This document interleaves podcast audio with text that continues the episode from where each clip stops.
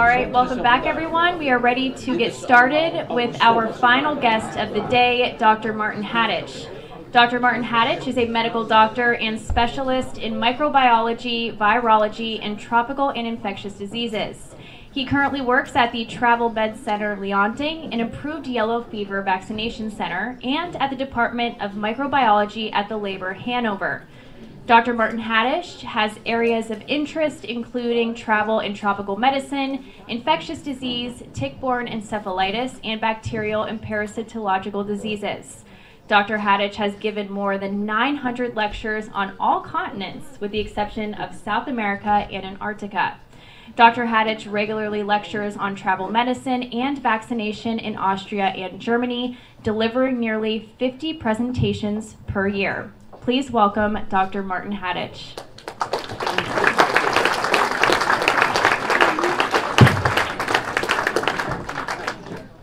Uh, thank you very much. Thank you, Taylor, for this nice um, talk now. And I really, I'm, I can tell you, I'm so happy to be here in person because I know some of the persons who are here just from Zoom conferences and so on. And it's really a delight to have this today face to face, as we used to say. Um, uh, at the beginning, closer, closer, okay. Um, at the beginning, I, I was ordered to stay here in this. I may only step outside if I wear a mask. I have no mask, so I have to stay here. Yeah. Okay. I was told, and I, I, I'm quite a good guy. So.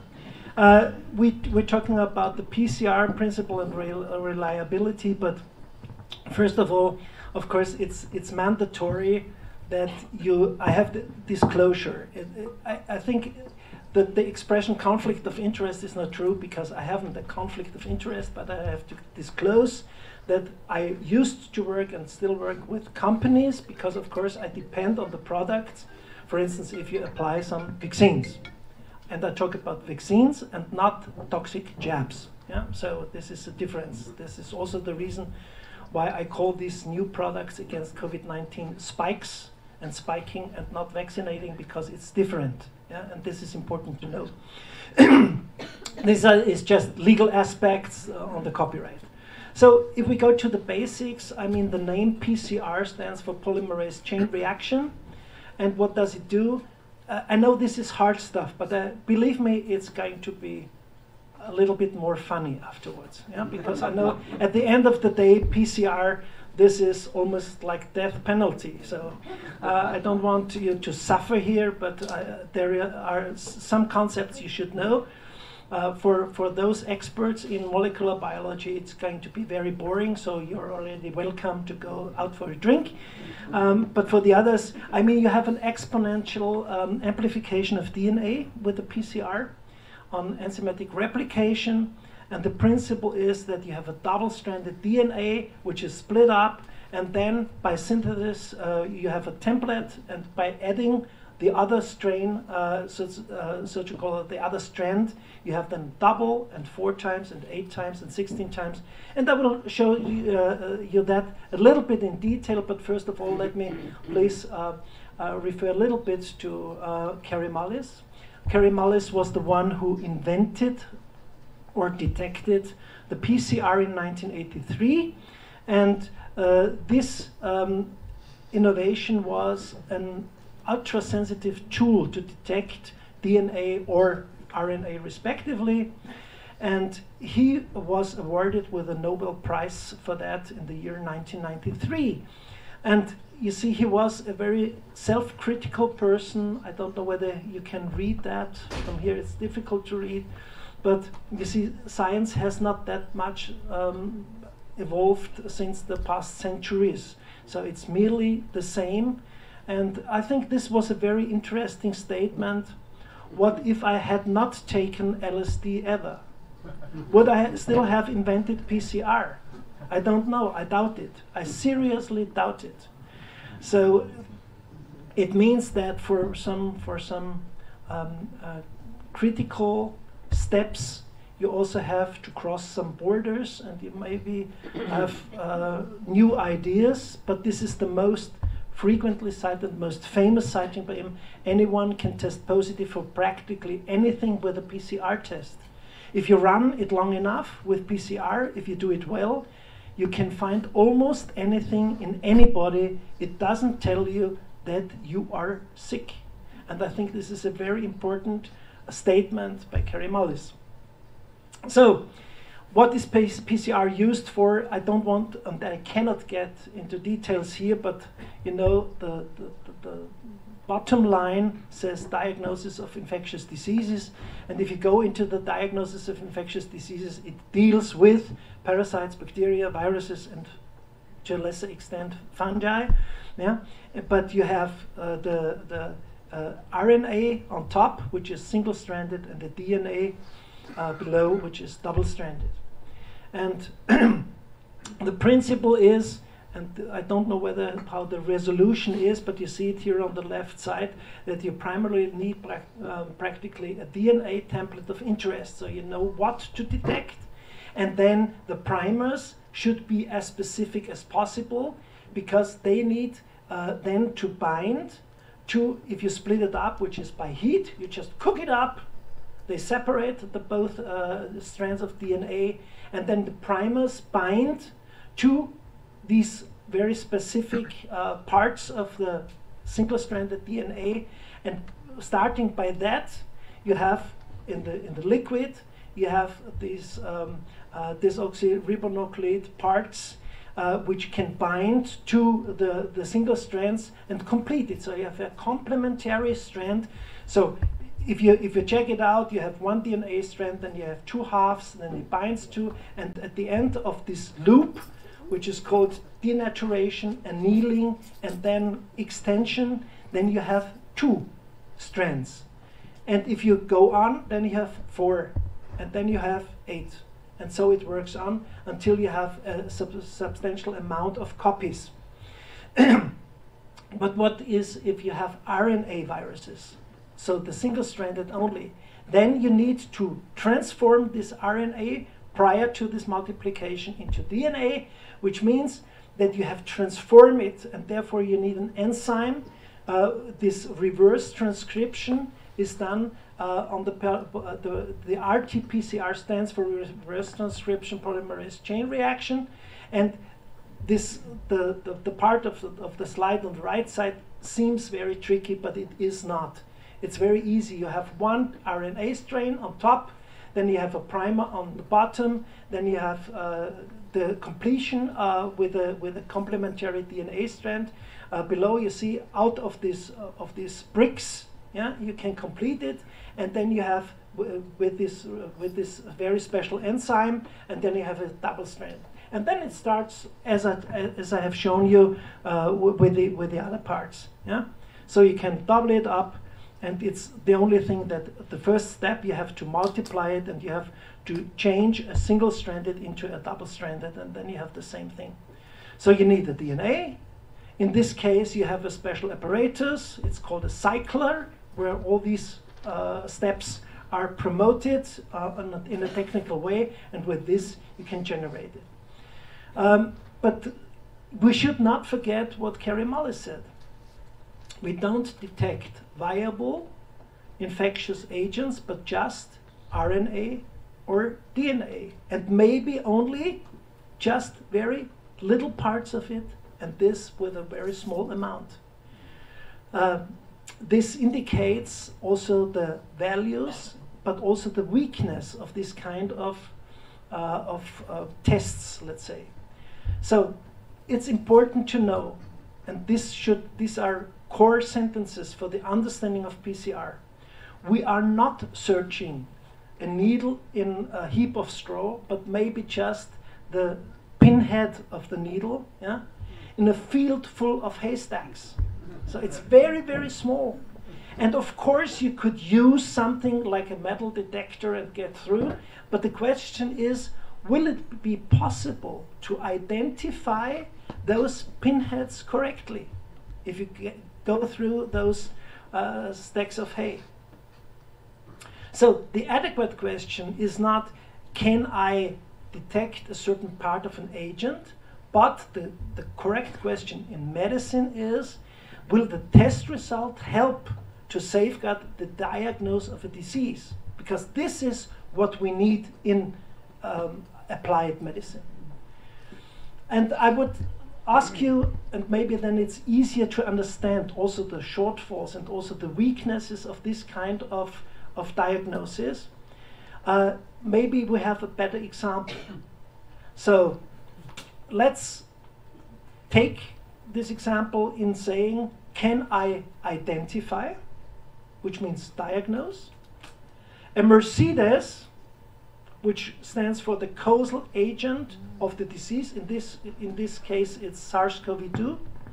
Driving around, meaning it causes really the disease. In New York, my body, yeah.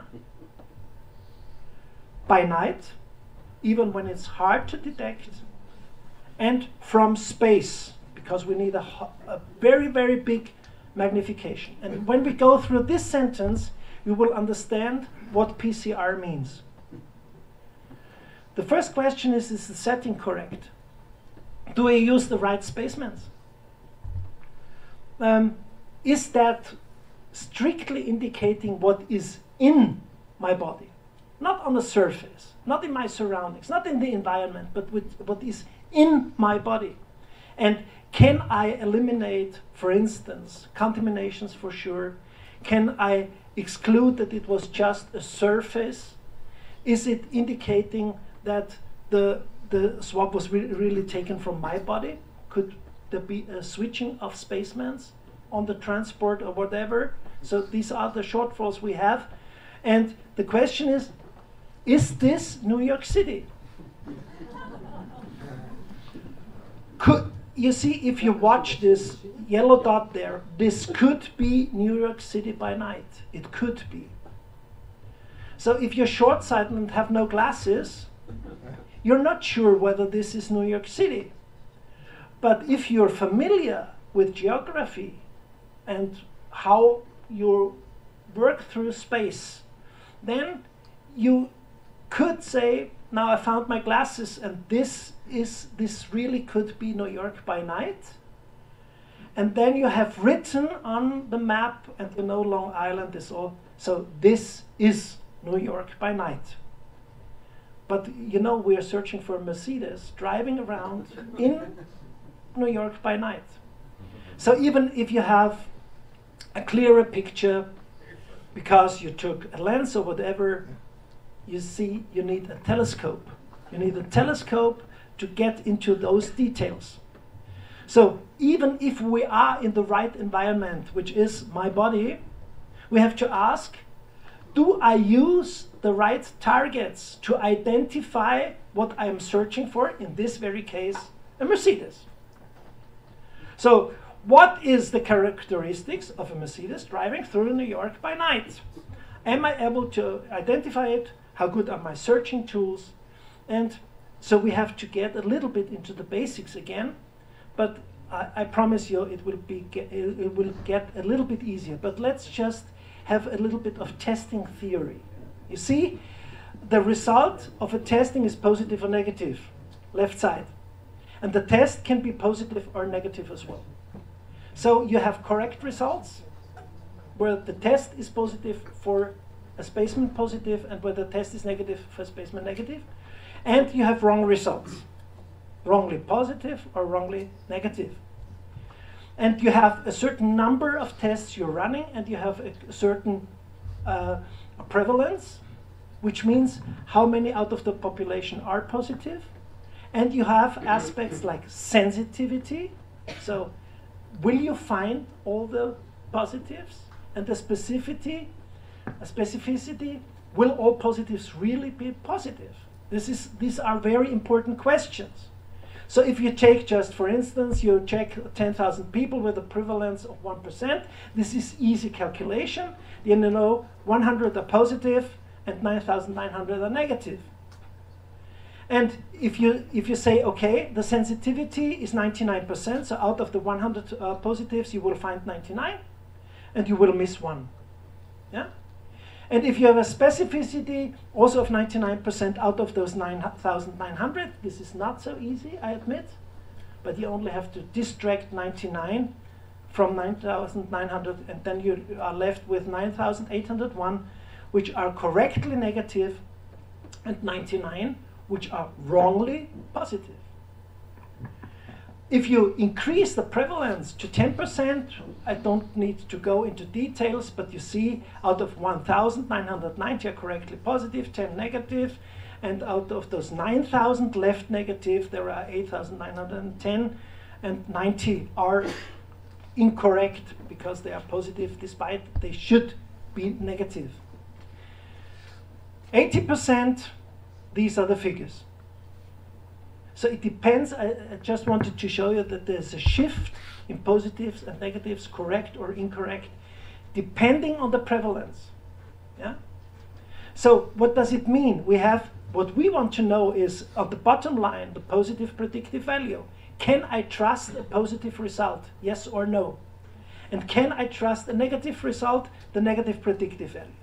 And you see if you have a prevalence of 1% in 10,000, you have 99 which are correctly positive and 99 which are incorrectly, which are false uh, positive.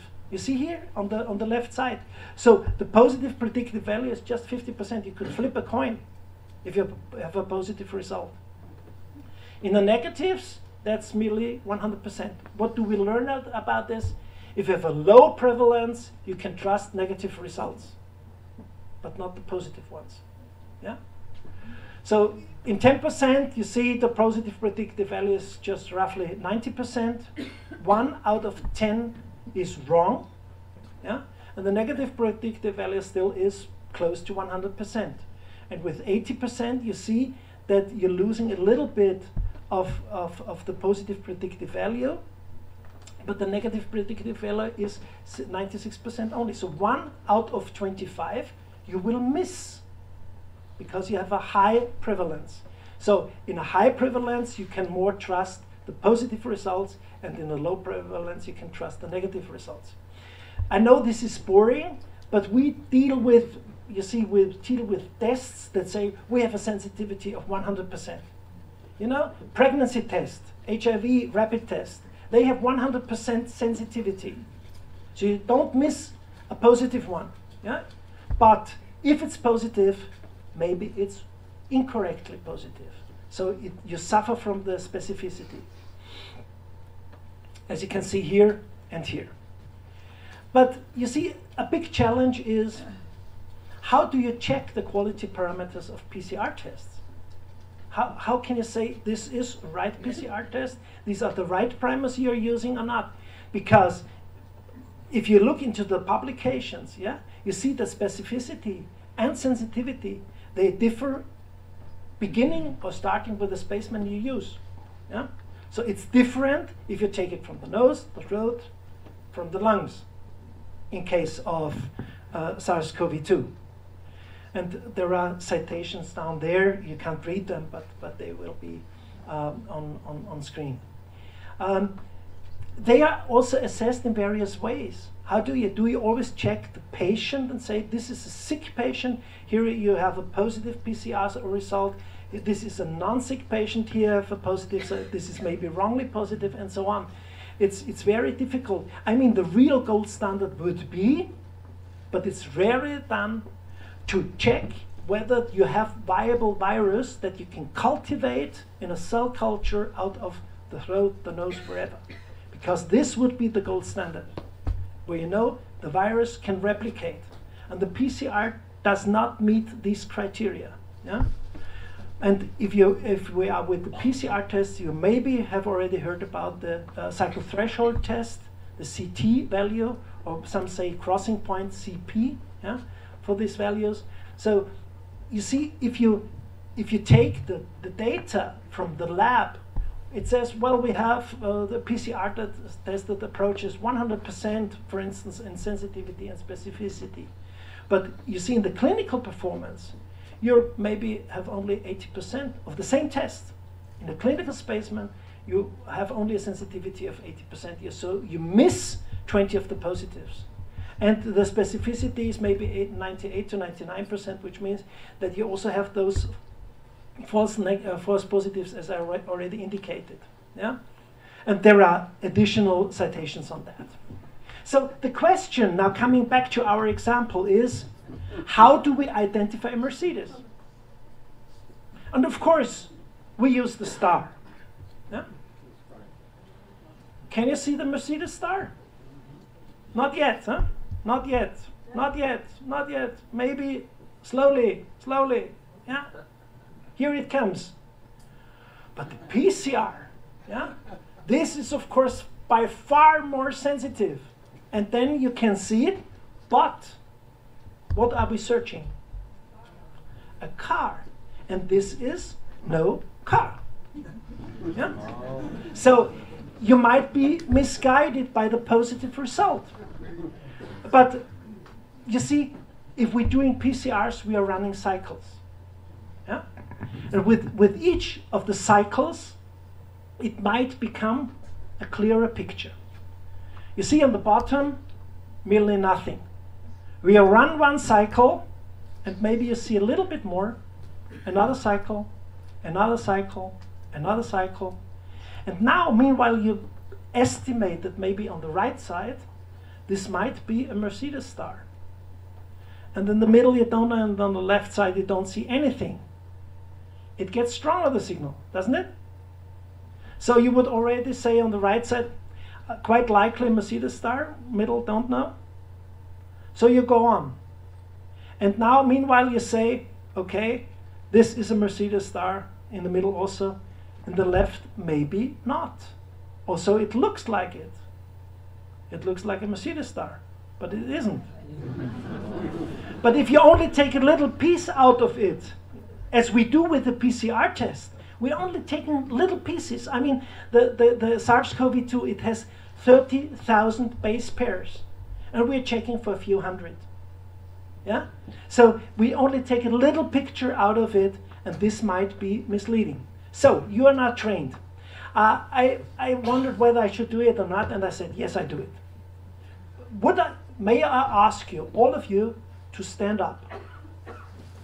That's not. That's great. That's not possible. You raise your hand, please. You raise your hand. That's great. And as soon as you see the Mercedes star, you sit please down. So those who see the Mercedes star, watch it closely. It shifts around. As soon as you see the Mercedes star, please sit down. You have already seen it? Great. Somebody else? Ah, yeah. It's easier to watch this screen. Yeah, you have, you have an advantage. Next one. Uh huh. Yeah, in front it's easier. Or maybe here. Somebody of you sees the Mercedes star? Yeah, there are some more. Okay. It gets clearer. Okay. You already saw it, I see. You're, No, no, no. you didn't see it till now, the Mercedes star? No. Maybe now? Yeah, yeah, okay. Okay. Okay? Everybody sees it. Everybody. Great, congratulations. Wrong. This is no Mercedes star. It's a hot pant. You, may, you might be misguided. You detect something which is wholly wrong because what? You intended to see, uh, you intended to see the Mercedes star. It's what you wanted to see, and you checked for it, and you had a certain kind of memory how it looks like, but this is no Mercedes star. Sometimes it's quite easy to find out that you're playing, that you're tricked. This is false positive, we agree? Yeah? Yeah? That's a BMW, yeah? With a Mercedes sign on it. Yeah? That's easy. But some, sometimes you have to check the context. I mean, we do have a Mercedes star on the left, uh, on the right corner. This is, without any doubt, this is a Mercedes star. What's that? This, does it match? No, it doesn't. It's a BMW. So what is the context? The context is that uh, Mercedes congratulated BMW for the 100th uh, anniversary. Yeah? And it has nothing to do with the star. It's a wholly different uh, story. And this is something you always have to keep in mind. What is the story I'm looking for? What is the patient I'm looking for? So the conclusion is weak signals are maybe wrong signals. Especially when you try to identify something yeah, where that's not thorough, uh, thoroughly checked, which is not a good test, yeah, and if you don't question the result. You should always investigate the context. Just to remember you, or to remind you, we should improve the testing, not only on the start, but how can we do it? Let's make sure the Mercedes star is a Mercedes star. So this we put out. This is no Mercedes star. It might be Mercedes, we don't know. But let's eliminate that. Like, let's only take those which are where you are sure it is a Mercedes star. So in quality assessment, something that's very important is the so-called CT value, the cycle threshold value. Uh, if you go to the companies that are selling the PCR tests, they run up 45 cycles. So you have in the lab to make sure that you somehow, according to national or, or international guidelines, that you adapt it. And for instance, you say everything below the CT level of 30 is positive. This is a Mercedes star. And in between 30 and 35, you should maybe recheck the same thing. And above 35, just give it negative.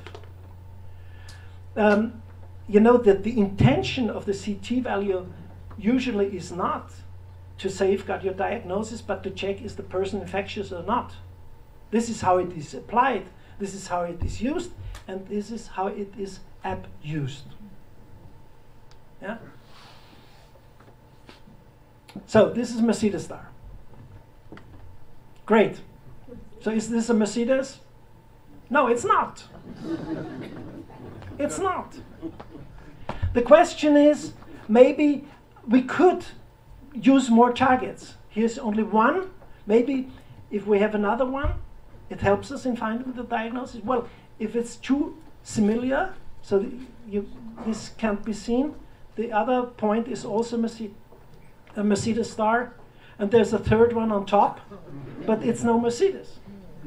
So it must be different. Well, how could you make it different? We're checking for the engine, huh? not for the sign, but for the engine. You see the Mercedes star on the engine, but this is no Mercedes. It was just applied to this. This is no Mercedes. We could say, okay, these AMG machines, yeah, they are only made for Mercedes to pimp it up, to give it more power. So this is a Mercedes. It's not. Yeah? This is uh, a tuned Toyota with, um, with this machine in it. So let's take the whole car. Maybe that's a better thing. You see?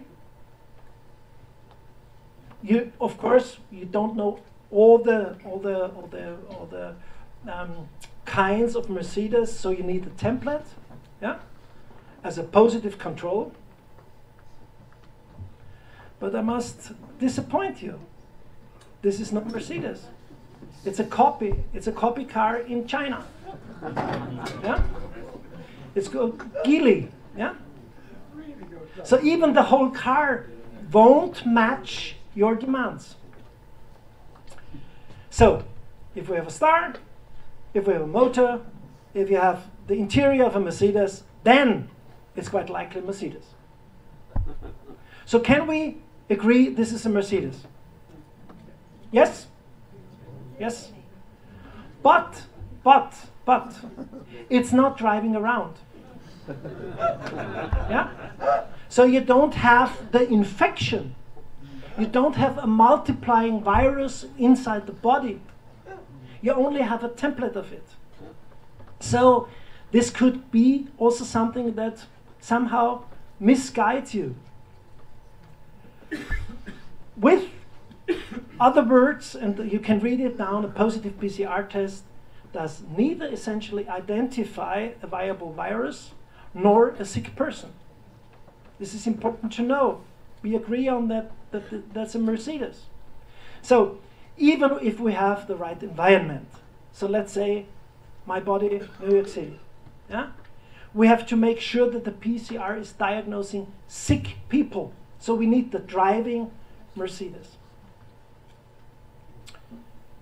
And just by the way, you know it, maybe the PCR tests never ever were licensed to diagnose something in healthy people. So all these graphs, all these photos, whatever the machines, the signs of Mercedes, they are without any value. You need a driving Mercedes. So we have on this sketchogram, yeah, we have test positive, positive, this is a Mercedes. This for sure is no Mercedes. We know that there were false positives. We said, this is Mercedes, and then it turned out it was a copy car from China. But what is with those who are Mercedes but who you cannot recognize, at least not in the first moment? Yeah, and there are many reasons why tests can also be false negative. The test doesn't work. You do have inhibitions in the test itself. It might be that you have only a very weak signal it may be that you have no signal because you used the wrong primers. And even, I mean, if the virus mutates, the signals maybe are not possible where you would like them to have. If you sequence the virus, then it's different. But if you're doing only the PCR tests, it might be negative. So, yes, there are some Mercedes which might not be recognized on first sight. And the question is, is this a Mercedes? And the answer is yes, it is. Or, is this a Mercedes? And the answer is yes, it is. And you would not recognize them at first sight. So it's also important if you have a substantial suspect of whatever infectious disease it is, that you also look for the context. And said clinically the picture is like that and maybe I would have to run other tests maybe another PCR a different PCR a second PCR a third PCR yeah, to safeguard my diagnosis. So yes there are also Mercedes which are not to be seen on first sight. So where the test actually would be negative, your judge, judging would be negative despite it being a Mercedes. Um, and so we, we are heading for a whole picture. We should never take any lab result out of this mentioned context. There might be distractors, there might be modifications, unexpected aspects, strange views. The question is, and then I'm done. What is this?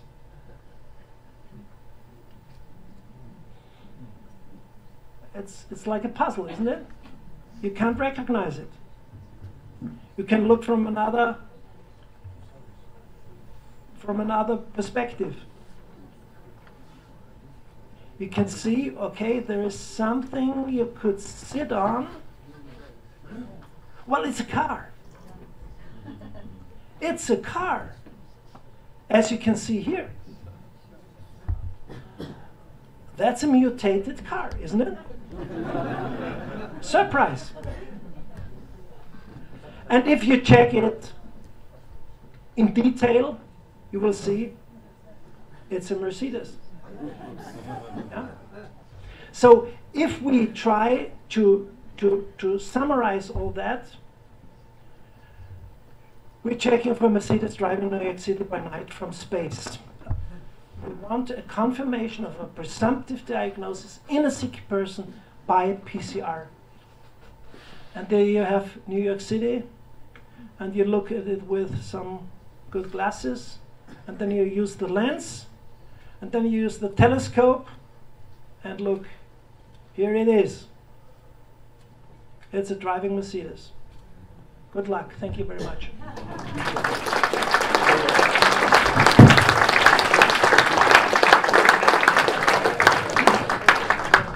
All right, Dr. Martin Haditsch, fantastic presentation. Very helpful to understand the mechanism of how the PCR testing works. And I think this is also key in understanding how it creates an illusion of a so called pandemic as well. I believe we do have one other panelist that will be joining us uh, to discuss. Yes, he is with us now. All right, and we are joined by Roger Lowen, Neek Roger, and Tom Zvister. So again, thank you to all three uh, for joining us, and I will begin uh, with you, Tom. Any questions or comments for Dr. Haditsch? Yeah, uh, well, it, it's maybe in all scientific methods, it's quite easy to to point to the failures of uh, systematic methods to trace something.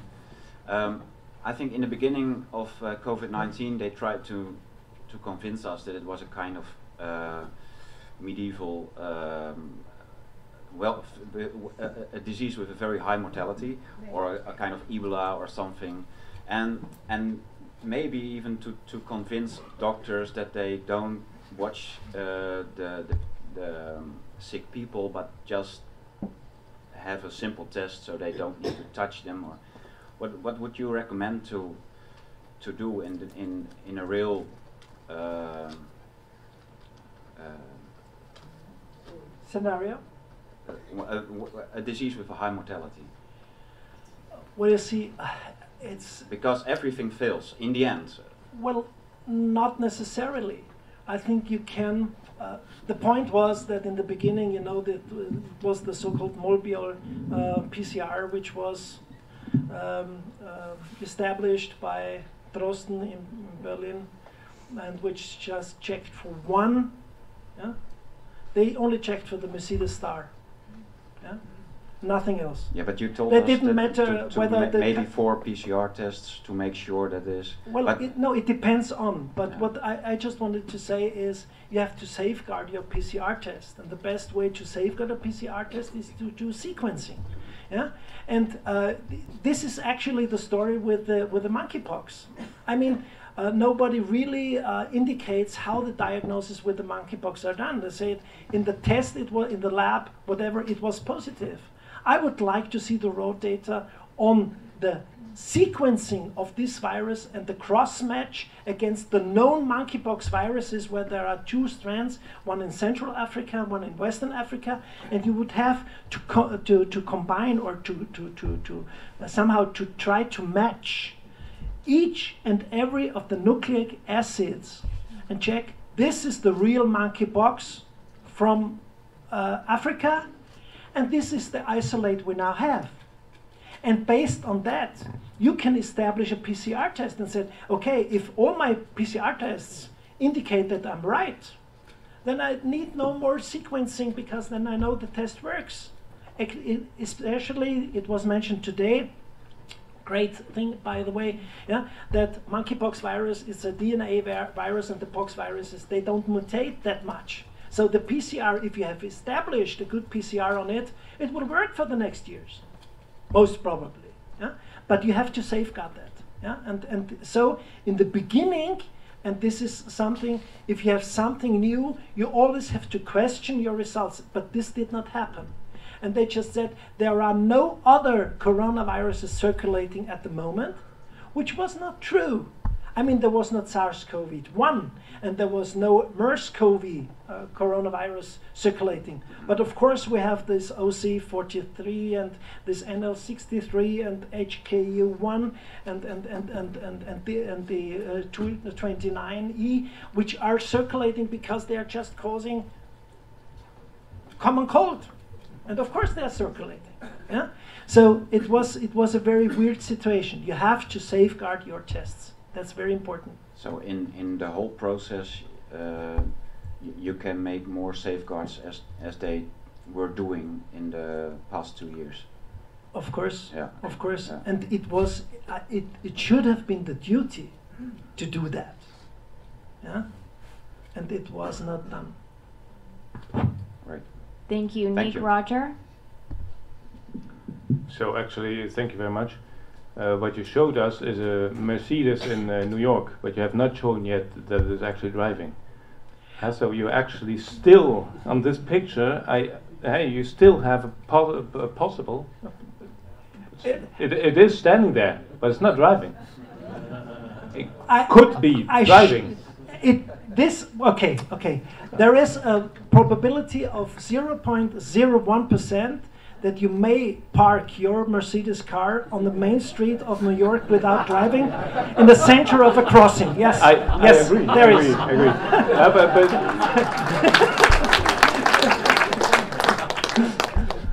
you can't but- imagine how long I searched for this picture because it's so difficult to indicate clearly this is a Mercedes and it's on the road because there were some cars in the snow, but you couldn't identify clearly this is a Mercedes. So that's yeah. But, But- of, yes, there is a rest. There's a very, very, very small amount which is left that this might be no Mercedes, not driving, and this is not New York, but it's quite likely. Yeah. Uh, but anyhow, what you what you said, so um, actually, because it, you can't, uh, if I understood you right, uh, you can't use the PCR for diagnosis.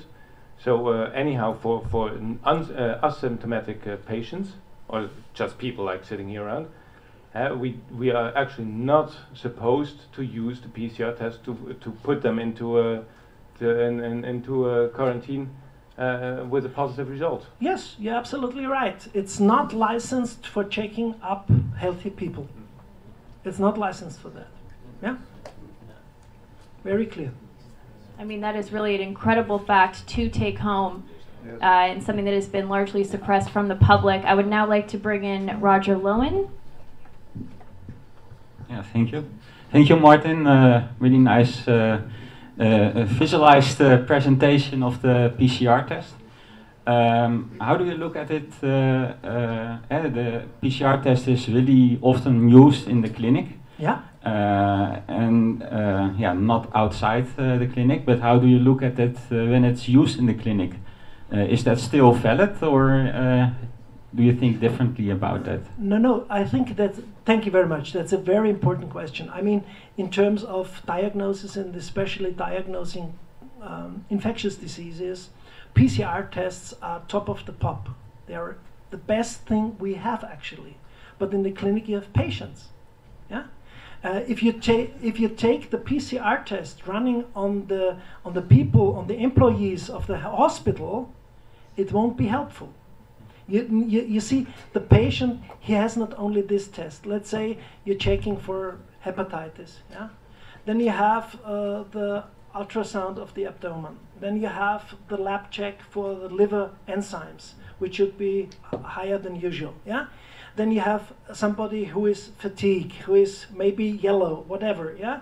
Yellow um, uh, scleria and so on. So you have many of those, and if you say, this patient he has a hepatitis, that's quite clear. Then you're up in this figure, as I showed you, with an incidence rate of 80%. And then you can trust if there is a positive result. You can say, if you make a checkup, for instance, for hepatitis viruses, and you say, I check for hepatitis A, B, C, E, and maybe D agent and whatever. And if you then get a positive result, this is quite trustworthy because you have a patient where the other things match. But if you uh, if somebody has a pneumonia and you run a PCR test on hepatitis viruses, it won't help you. It will misguide you. So it is always what I say, the context, the one picture. But thank you very much. In the in the clinic, it's perfect for patients. All right, thank you. Tom, do you have a follow up?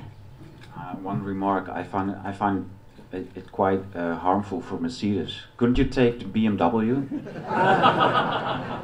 Uh, frankly spoken, I considered it, but the but the BMW, uh, the, the the the symbol, the sign is more complex than with Mercedes. So, if we if we rely on very simple things, I think it was the most simple sign I could find, and you find the most copies of it. But thank you very much. I I should elaborate on a second presentation using the BMW. Yeah? Any other comments or questions from our panelists? I mean, uh, yeah, uh, if a patient uh, ends up in the, in the hospital, uh, you have uh, New York City uh, with a lot of uh, Mercedeses uh, driving around in the city. Yeah. Uh, but what will happen when uh, all the drivers are on LSD and then uh, then you also get some some kind of weird yeah? Yeah. there are very complicated cases. Uh, you are absolutely right. So it's even more important. You see the problem is i was told when i was on the, in a hospital in my training in my practice i was always uh, told check only for things which are plausible because if you're checking if you're doing a very wide checkup where some of the tests yeah don't match your idea or your conception or the or, or the or the diagnosis the presumptive diagnosis of the patient you will have a huge problem. Because then you have a test that indicates a disease and you don't have the disease in the patient. So what do you do with the result of this test? You should only test for that what you're where you have a suspicion for. And that's it yeah?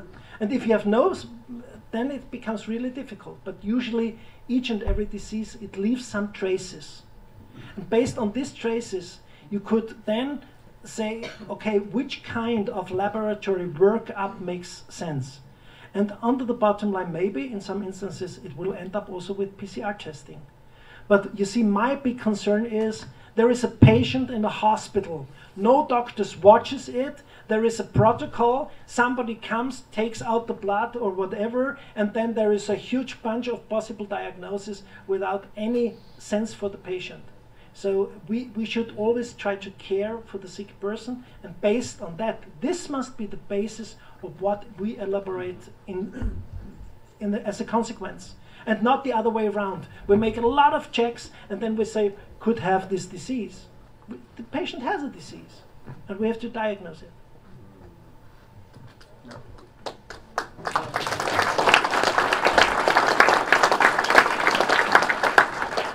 All right, we can now open it up to the audience for any questions that you may have for Dr. Haditsch. Okay, Willem Pingle. Now, Thank it you. Gets, now it's getting tough. Thank you very much for the presentation. I really loved uh, the Mercedes. Um, however, uh, why is the nested uh, setup not used in this PCR protocol, and how do you see that in relation to other PCR tests? Uh, I think I think this really depends um, on various things. Um, we are happy enough that more and more laboratories are able to perform PCR tests at all, because this was not usual some 10 or 15 years ago. The other thing is uh, you have to deal with the quantities that are coming in. And this might also impact the quality of what you're doing. I mean, in peak times, we had 3,400 PCR tests per day. This is incredible. It's incredible. And then you have somehow to trust the machines and so on. Of course, there are there are better ways, and the nested PCR is is better than the than, than the usual PCR, of course. But this, for instance, could help in those questionable results that you say. As a second one, I do a nested PCR, but as a routine, uh, it's also it's also the question. Well, this does mostly not interest the hospitals, but but the doctors outside and the patients we are dealing with. Who pays for it? It's also a question of costs. You see, so there are many, but of course, nested PCR is better than the classical PCR. Yeah. Thank you. All right, any other questions? There are two there. Here.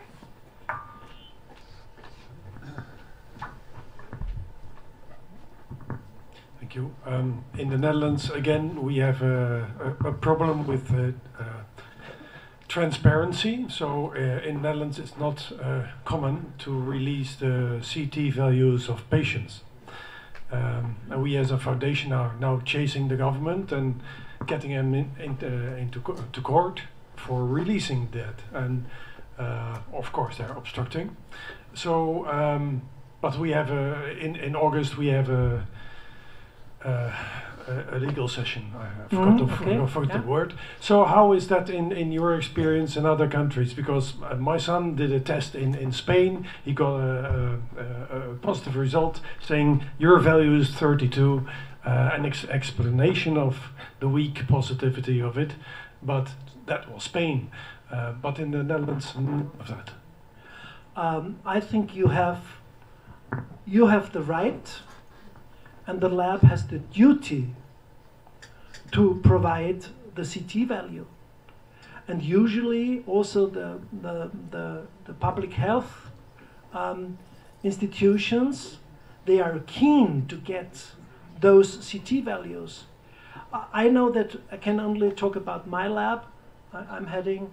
Uh, we started by July 2020, so two years ago, to provide the CT values for each and every primer set.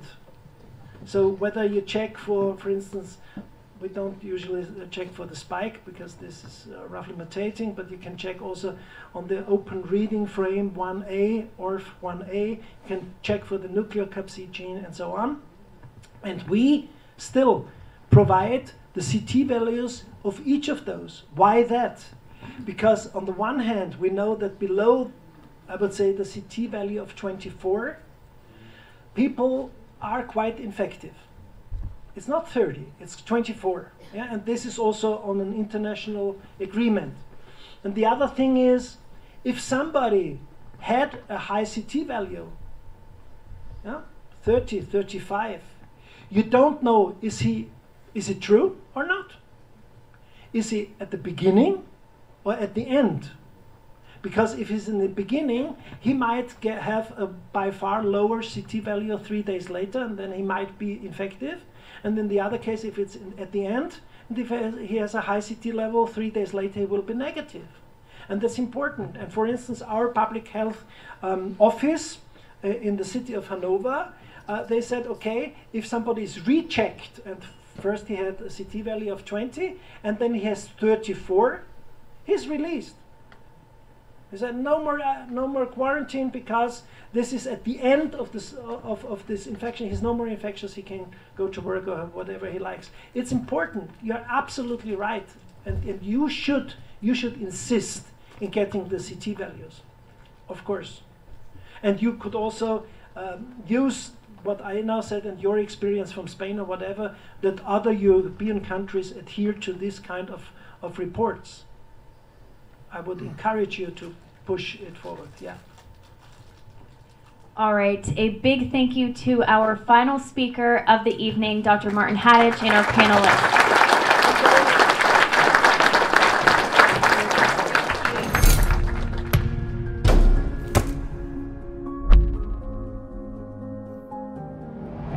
Welkom bij Café Weltschmerz in samenwerking met eh, Viruswaarheid en Voorwaarheid.nu.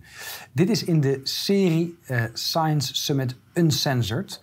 En we hebben een hele speciale gast, zoals alle gasten bij deze summit, eh, die niet Nederlands spreekt. Dus de rest van het interview zal in het Engels zijn. Welkom Martin Hadich. Thank you very much, Willem, for the invitation. It's a pleasure to be here. Finally, we meet in person. We had many, many Zooms. Yes, yes, yes. Uh, we discussed a lot of topics, uh, yet I think we have some topics that we didn't cover yet. okay. So, first of all, can you give a, a brief introduction uh, to the people who have not watched our previous interviews? Well, I'm a medical doctor. I also did studies in biology. I'm specialized in microbiology, virology, infectious epidemiology, tropical diseases, infectious diseases. I'm running a travel medicine center, a small one, uh, in Austria, and I'm heading a quite big laboratory in Hanover, in Germany, where we also run some tests. And we will get to that uh, Yeah. later on. Uh, but it's, it's fair to say that you are quite the expert on numerous fields that are involved in this uh, COVID pandemic. Yes, because maybe I might add to that because this is, I think, very important. I also did um, education three years in becoming general practitioner, and this is family doctor.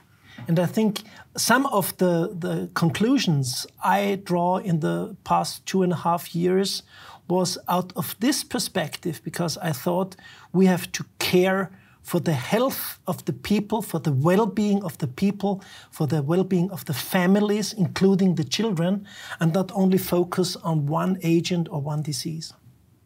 Yeah, so looking at it much broader, Yeah. it's also mental health, well being, not just whether you get infected or not. Yeah. Um, so, how did you get involved in what we now call the resistance, the resistance against the measures and also against the, the pharmaceutical interventions?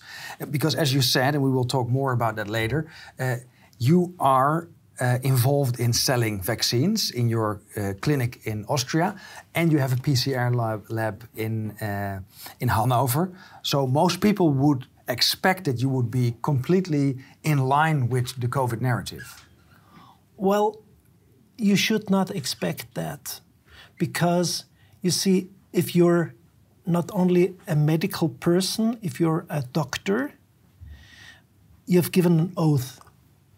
And this, the first oath is nil nocere, don't harm. And I think um, each and every doctor should adhere to this promise. And based on that, you see, I don't sell vaccines. I apply vaccines whenever it seems to have a good risk-benefit ratio. When it's when people want it, there are only very, very few mandatory vaccines where people cannot escape. So, if you're going to tropical Africa, you need a yellow vac- uh, fever vaccination. But but otherwise, people can decide on themselves whether they want or not.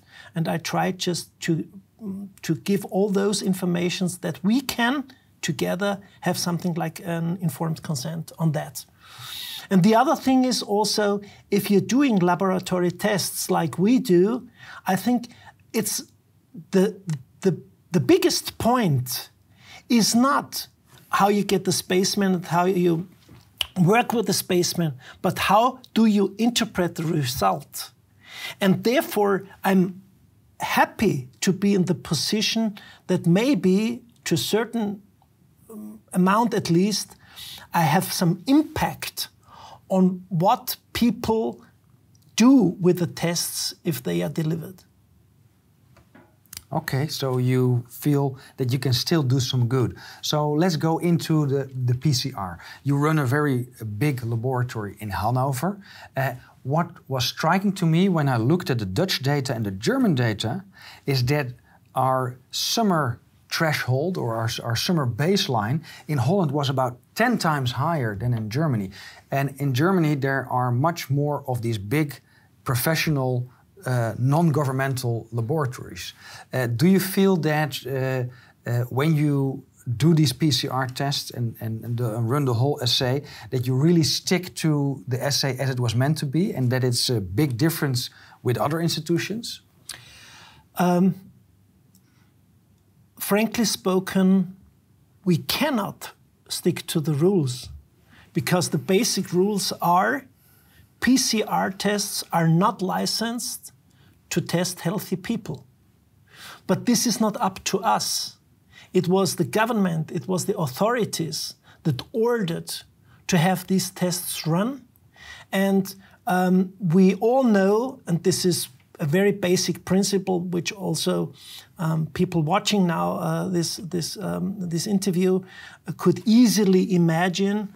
Um, if you have a very low rate of positive results, you just by testing generate a lot of false positive results. So when the endemicity is low, you have a high proportion of false positives. If the endemicity is high, you have, as compared, a quite high uh, likelihood of false negatives. So this is this lies within the logistics of, of, of running tests, and and therefore. Um, uh, so ba back to your back to your yeah. question, uh, we we could not escape this kind of a trap that we were ordered to run these tests. And the, the, the question which all which really touched me is can I do good and can I do bad, or how can I impact that? And just to give an example, you see, if soccer players, if basketball players are only allowed to play and to do what they are meant to do with having a negative test, then uh, the only other option would be don't play. And so it, it made from this point of view, it made sense. And the same was also if uh, I still can recall one very um, uh, sad situation where um, the father of a young man had died in Turkey, and he was only allowed to get on the airplane to the burial with a negative test. So, yes, we did those tests and we still do those tests, but they are ordered and it's not, we don't, we don't try to get them in, but they are coming in.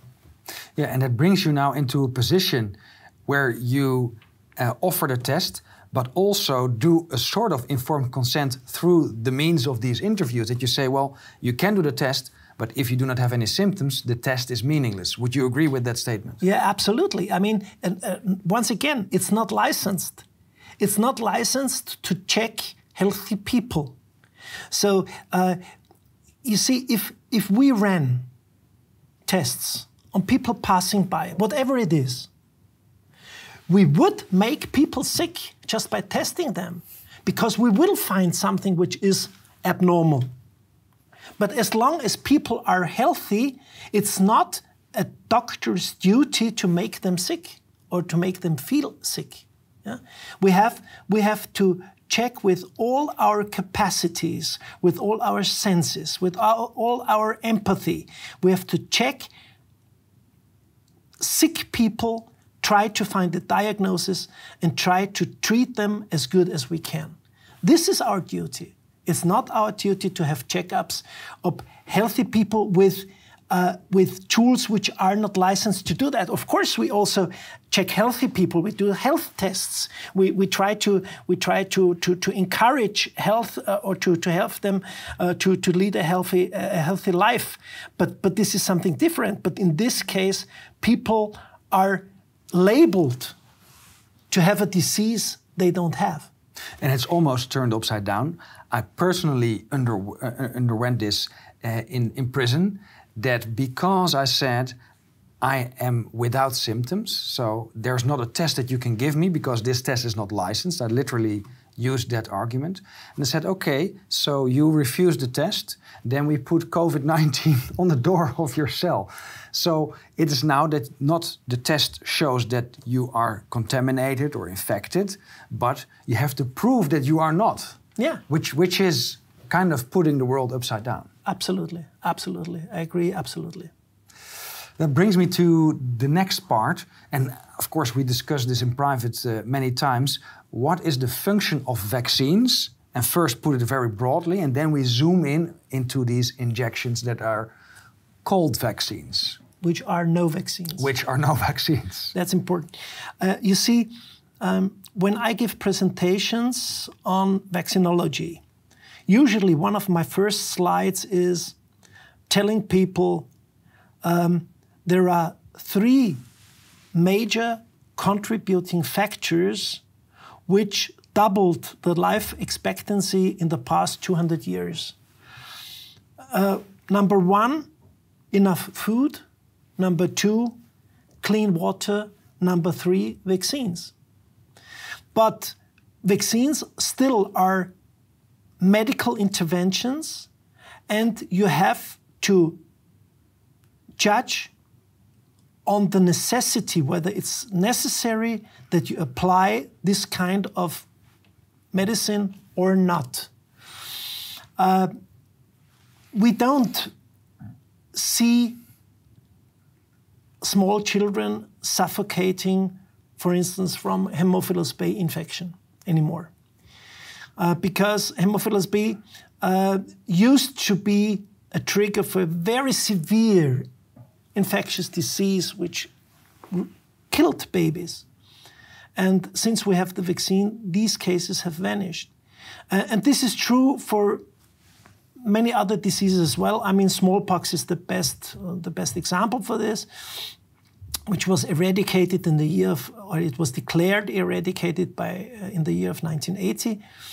But of course, it's a medical intervention. You always have to check what is the benefit and what is the risk, which is mandatory in each and every medical intervention you do. And which is not the same for every age group or every. Of course, of, of, the course not. Of course not.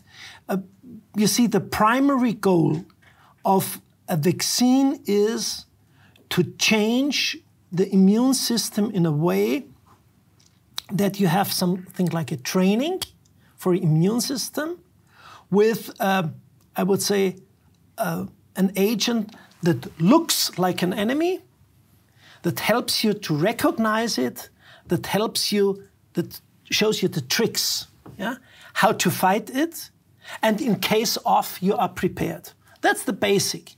Uh, we know that there have been vaccines which were, as compared to actual vaccines, quite dangerous. There were vaccines which were quite ineffective.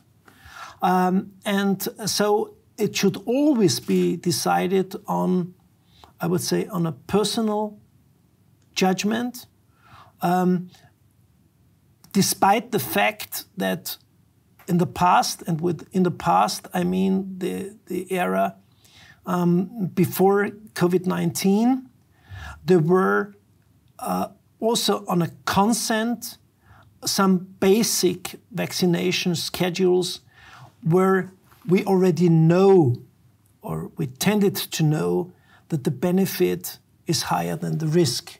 But even then, you see, if you have allergies or whatever, you have to check it and say, in this very special case, I would not take this vaccine because if you're allergic, you're running the risk of, uh, of uh, severe reaction. So it's not justified that we apply this kind of vaccine.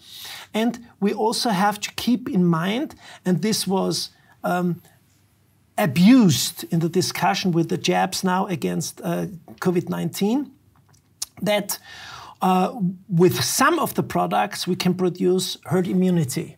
So there is also the principle of altruism. So if you have a certain amount of the population vaccinated against a certain disease, the others who cannot be vaccinated, or if they are vaccinated, they cannot build up immunity, are protected, protected too, which is a nice idea. But it does not work in, in, in, in those jabs against COVID 19. So this was abused here, and this also leads to the reaction of an increasing part of the population that they don't believe in any vaccines anymore. Which is a loss to medical science and to humanity as we can hear, because they can add something when applied well. So, if I can summarize, uh, vaccinating a person is always between the patient and the doctor and is an individual choice uh, and, and, should not be interfered with or to by, uh, um, uh, by the government. Uh, and if it is applied incorrectly, then it can do more harm than good. Yeah. Not only for the individual, but for, for the bigger group. Do you feel that we see that now because we have rolled out what they call vaccines? And I have a feeling that many more people are not fit, are going from infection to infection. is there something that you, even when you would when you would use a normal vaccine, could harm society if you do it en masse instead of always looking at the patient whether there is a, uh, um, a positive uh, benefit to risk ratio? Uh, well, I, I, have, I have to admit, um, never ever I tried to learn so much on such a narrow mm-hmm. item like SARS-CoV-2 infection. It's not even all the corona infections. We don't talk about NL63 and and and and, and uh, HKU1 and, and and the others. Uh, trivial corona, and we don't talk about SARS-CoV-1 and we don't talk about MERS-CoV. We just talk about SARS-CoV-2 and a disease that is linked to that. And I never ever learned that much in about one certain disease, not even in the times when there was HIV, and not even on the borreliosis, which is big. But this was this was not as intense as, as it is now. And you see the jabs. Of course, they added to knowledge. And if you get, if you try to get, especially to the raw data, not even what is published, because we know that there is there are some parties who want to impact what is published. Yeah, but if you get to the raw data, you see, and then you can also prove, and this is also the reason why I call this not vaccinating but spiking. Yeah, and why I don't call these products vaccines because they are not, and they impact the immune system also in a way which is uh, priming the body for further infections. And this is something which is really weird. And I think um, we have we have always to consider that uh, if we uh, try uh, to find maybe stratified people who might benefit from these shots, because it's it was I think it was published recently that the only group that might benefit from these COVID shots, yeah, are people older than 85 or 90. Yeah? And all the others, in the balance of risk and benefit, they have more risk than benefit. Have you ever seen such a, a benefit risk ratio in any other medical product? Um, well, of course, you, you see this, for instance, if you're treating cancer patients, but this is a wholly different uh, picture, you see. Here we have, at the beginning, 100% healthy people. And the risk of dying is actually with Omicron 0.07%. I think that's roughly the, the figure we have. In the other case, have a cancer with the likelihood of dying is roughly 100%, and this within the next months or at least few years. And then if you apply a drug which has even severe side effects, you will anyhow have, if it's only partly working, you will have a substantial impact on the survival rate. This is wholly different. But yes, we see this also in other drugs, but this is not in other prevention um, methods or whatever. So, what, what is the way forward? Because I think um, the trust in public health is crumbling. I expect to the, the, the vaccine programs uh, to, to collapse because a lot of people don't want any jab anymore. Um, the people who are pushing this agenda that everything has to be mRNA programmable uh, drugs, so to say, uh, want to go one way, and now a large part of society wants to go another way. Uh, how can we bridge it? Can we bring it together, or is the the the, the breakdown of trust too big already? Um, that's a very complex question. I mean, I also can testify, and even in those people who are now attending my office, mm -hmm. yeah, uh, that there is a increasing amount of distrust uh, in traditional vaccines because and we have we will have to look into that people are sensitized and they say well how can you safeguard that those traditional products are not changed in a way under the same label with the same name in future. So how can you make sure that it's only in what is said to be in?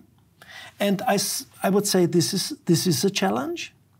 And the other thing is that uh, a lot of these people had their bad experiences themselves or in their close friendships, family, whatever.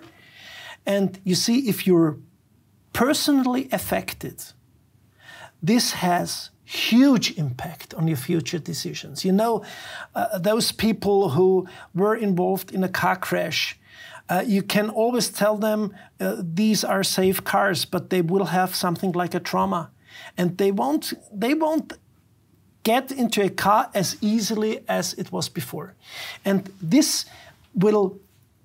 This is a big challenge, but please just let me briefly focus on something which is only rarely many, uh, mentioned.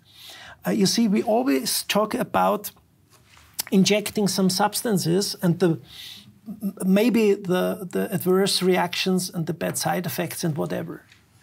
But what, out from my perspective or perception, is not mirrored in a correct way is, and if these substances are injected, and if I somehow stimu- stimulate my immune system to produce antibodies and to prime cells, defensive cells, out of the immune system, what will they do?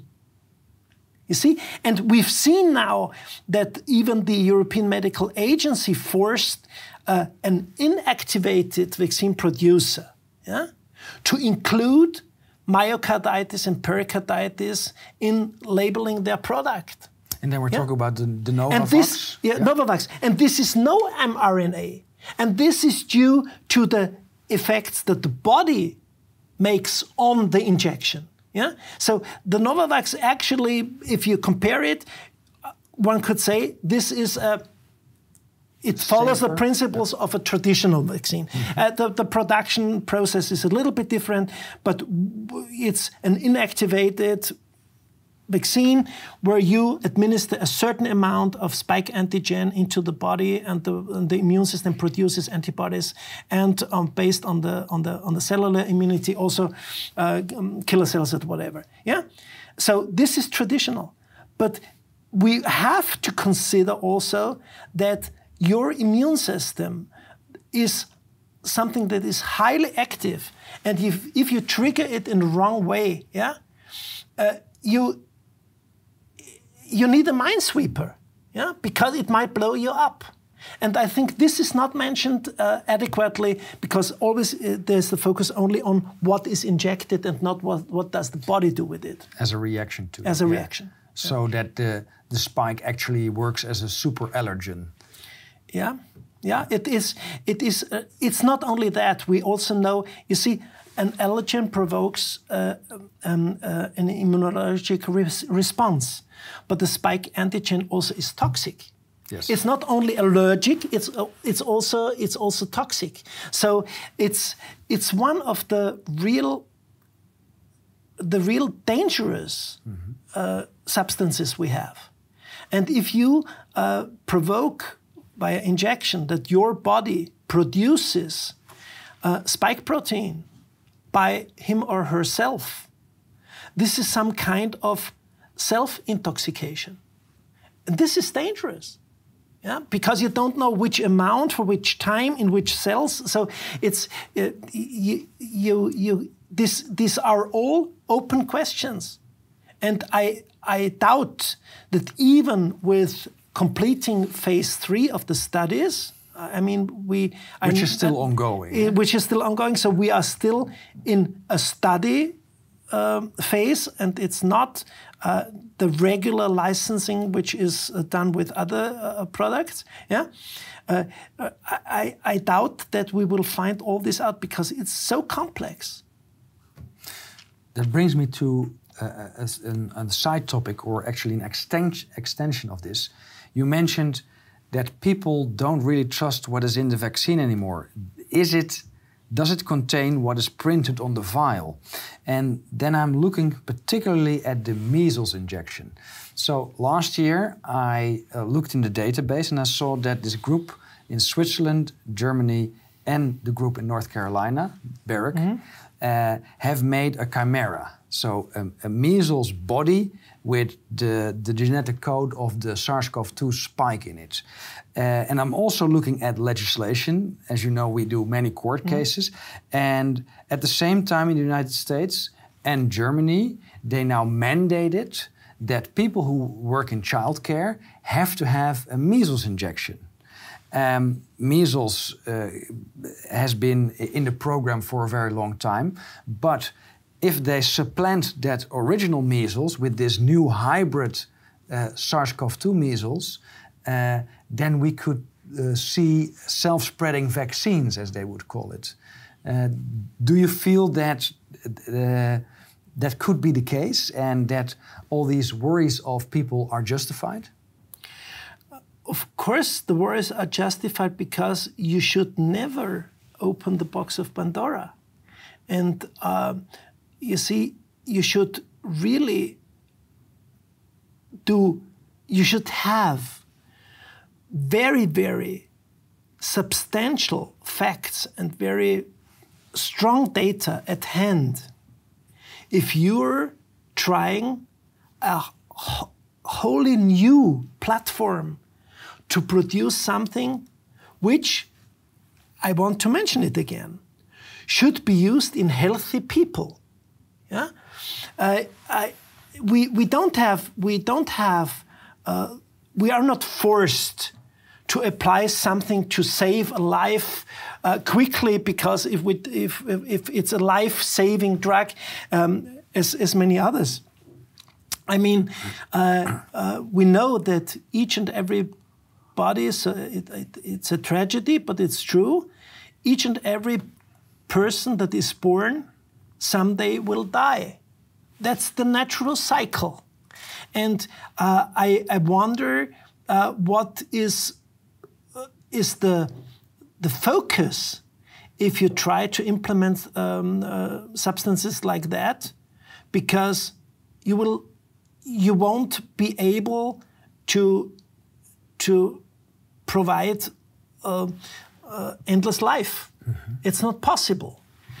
And if you, as you gave the example, if you start to mix up certain substances, and especially if you're working with life attenuated vaccines, which is the measles vaccine, for example, yeah, uh, then you really have to make sure that you don't harm persons because the measles vaccines uh, themselves, amongst all the vaccines you have, as they are life attenuated vaccines, they already have more contraindications as compared to inactivated vaccines. For instance, immunosuppression. Yeah, and we know that uh, increasingly people, not only but predominantly out of the what we call the rheumatoid uh, group of patients, they now take um, uh, immunomodulating substances, biologicals, and they interfere with the immune system.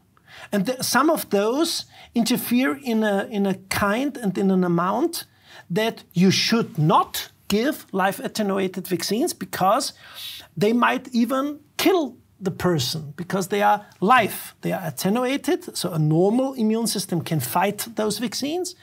Uh, but if you're if you're immunocompromised, you might uh, suffer severe disease or even death if you if you uh, get uh, these kind of substances uh, applied into your body. So this is per se a model that needs to be um, somehow um, uh, monitored but if you combine this, then even more. And I mean, if you we are already working with these kind of chimeric vaccines because uh, the so-called uh, uh vector-based vaccines they are chimeric. I mean, th then you have there you have adenovirus, yeah, um, that that is uh, in some kind of a preparation so that it uh, then produces spike protein, but it's chimeric as well. And we've seen the results. Exactly. I think a lot of people remember the, the contraindications or the, the side effects of the clotting in the Astra, but also the Johnson & Johnson. And particularly in Holland, we had a shedding event. It was dansen with Janssen, meaning that uh, young people were lured to take the just one shot because you had to have only one shot instead of two. And then the next day you could go to the club to dance. And we saw a, a very uh, um, steep spike which went up and down. And that showed to me that it was not an epidemiological uh, outbreak, but really an artificial one. So okay. a part of, of, of those people will integrate it and start spreading it. Now, adeno is, is, is, is comparable the infectiveness with, uh, with coronaviruses, but measles would be, would be much higher Yeah, yeah, yeah. in that case. So you could really start to uh, get self-spreading vaccines. And I'm not saying we are seeing that, but as you mentioned, if we don't uh, look at it very carefully and, and go through all the trials, it might happen. Yeah, but but you see, uh, the I think still we should not be monofocal on one product. Let's say that we now say let's forget about adenovirus and mRNA because we now have this kind of chimeric vaccine uh, which produces spike based on a measles vector, something like that. You see, because uh, I mean the adenovirus that is chosen uh, to be the vector for the, for these kind of vaccines per se is a DNA virus. So adenovirus DNA could be incorporated in human DNA without needing an additional enzyme you need for RNA to be incorporated into DNA. And if you ask me, well, is this only theoretical? I must say no. There were investigations at the beginning of the century, and they have proven that adenoviral vector, DNA, was incorporated in cell DNA with a likelihood, I think it was 1.1, uh, 0.1 to 0.001% of the cells. So this is not little, this is considerable. And we have to watch these phenomena. Especially Yeah. when you in, Yeah. inject a very large group, then there will be Yeah, a few and especially if you know when you know that there are other adenovirus um, um, types that produce cancer. Yeah. So uh, you see, if you if if, you have um, uh, uh, a small dog uh, that is only barking and you have it within the fence and so on, you you might say. Uh, that's not dangerous. So dogs are not dangerous. But when it's a big dog and it's out of the fence, and you know that uh, it just grew up and the and, and, and the door was open, then I would say uh, I would not trust the small dog uh, and say, uh, no problem, we can keep the gate open, and okay, if it feeds, it gets bigger, it won't harm you. I'm not so sure. Yeah. So I hear a lot of sense, but I also hear that you are very critical on the narrative. How is it possible that that that you're still in place, that you can still run your labs, uh, and that even Red Bull has uh, given you a position where you could travel the world and interview a lot of people? They really stood by you, and you were able to make a lot of critical documentaries. Well, these are two questions that must be uh, answered separately. The one thing is the working place. I'm very grateful for um, um, uh, the the company that employed me and that uh, really did not interfere with my actions, which is also some kind of respect, I would say. Um, uh, because of course it's it's it's not it's not easy. I mean, I was uh, even asked. Uh, on the one hand, uh, I was even um, attacked on that because, uh, on the one hand, you blame PCR not to be a good test, and on the other uh, hand, you make money out of it, which is not true because I'm employed, so I don't, I don't get paid by the amount of tests we are running. Um, uh, but I'm very grateful uh, that I still can do my job because I love my job and it's it's really mm, an amazing thing. The other thing is Red Bull, um, and uh, I also want to express my deep gratitude. Uh, not only to Red Bull, but also to movie media, because you see, um, Red Bull uh, did uh, uh, finance the whole project, uh, but it was run by movie media and they asked me whether I'm willing to do these kind of interviews. And the background is that um, Red Bull Media, they uh, have a broadcasting corporation that serves the German-speaking area, Austria, Germany, and also, as far as I know, a little bit of Switzerland. uh, but they have a very unique situation. As you know, Red Bull, um, uh, they, they, they make substantial amount of money and they don't depend on the Austrian government to get financial support. And this makes them free to choose whatever they want to do. Uh, I mean, uh, they of course they they get they get under attack as well, yeah, which is uh, quite logical because if you're against the mass media and the mainstream, uh, and if you um, uh, also get increasingly attractive for for the people watching TV because I know many people that say, well, yeah, I'm still watching Austrian television, but when it comes to news or whatever, I switch the channel. I can't hear that anymore. Uh, in terms of news, I, I go and, and check Servus TV, and then they see what is there, also the documentaries and whatever.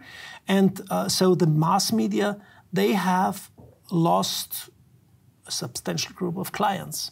Yeah, um, uh, but but you see, the, I think under the bottom line, truth will prevail, and this, of course, um, makes um, Red Bull Media playing the strong cards, and they, and they are getting increasingly stronger by time, because as we can see, so many uh, things that were covered up uh, by mass media in the past two years, they now they they get into the open. They, it can't be it can't be blocked out, um, and and therefore uh, you see the, the question is who is on the winner's side, who is on the loser's side, and as by now I think. Um, there is some combination in between winner and truth, and and so uh, I'm I'm I'm if I had to bet, I, uh, my my decision was quite clear. Yeah. Okay, so that is uh, already towards the next question. Uh, and I feel that you're quite positive about it, but correct me if I'm wrong. What do you see in the future, in the near future, and our way forward? I don't have a crystal ball. That that's the problem, and I think nobody has. Uh, the, the the real the real problem is if I had a wish, yeah, I would I would try to appeal on the code, on the code of ethics in journalism. I think the media, they know that they are mighty, but they are the ones who could make a change. Because you see, actually, it's the media which are partially even driven, and we know that, by governments and by other institutions which are close to, to, to, to the mainstream. Uh, and they, I think, I have, I have the feeling sometimes they didn't even dare to get out of this track because they feared that they would lose money by, um, by advertisements or whatever. Um, but uh, now I, I have the feeling that even some of the mass media, they whatever the reason might be, they don't cover up uh, the bad things completely anymore. So you see, truth lurks out a little bit, yeah, and it gets more. And uh, I know, with the help of the media, and I know that there are also people working in mass media suffering from the actual situation because they say, I can't help. I mean, if I if I argue differently, I lose my job. Yeah, but if if I think if these people uh, could bring media back on what we call uh, the some on, on an ethical behavior and, and, and, and to to promote what is close to the truth, then you see they would then drive the politicians, the mainstream doctors, um, or the others who are pushing in this very direction. And this would, this would have huge impact. And you see, uh, I, I, already in the private talk, I, I, said, the question is, on which side of the river are you? Yeah? And uh, now those who are closer to the truth see or recognize, and maybe they are also happy about the, the fact that they obviously chose the right side of the river. And the others, I think they, um, some of those tend to get to the right side. And I, I, as I also told you, I think we should reach out for those and we should help to, to build bridges and to, to, to, to, to get back to, um, to a good form of societies and of neighborhood and of friendship and even the families. It's, it's a difficult task, but with the help of the media, it's possible. With the, with the help of the mass media, if, if, if there is no help, I think it will also Flip become flip, yeah, and we almost reach the tipping point, yeah. Mm-hmm. But it will take longer, and it will have we will have far more to sacrifice in this interval of time.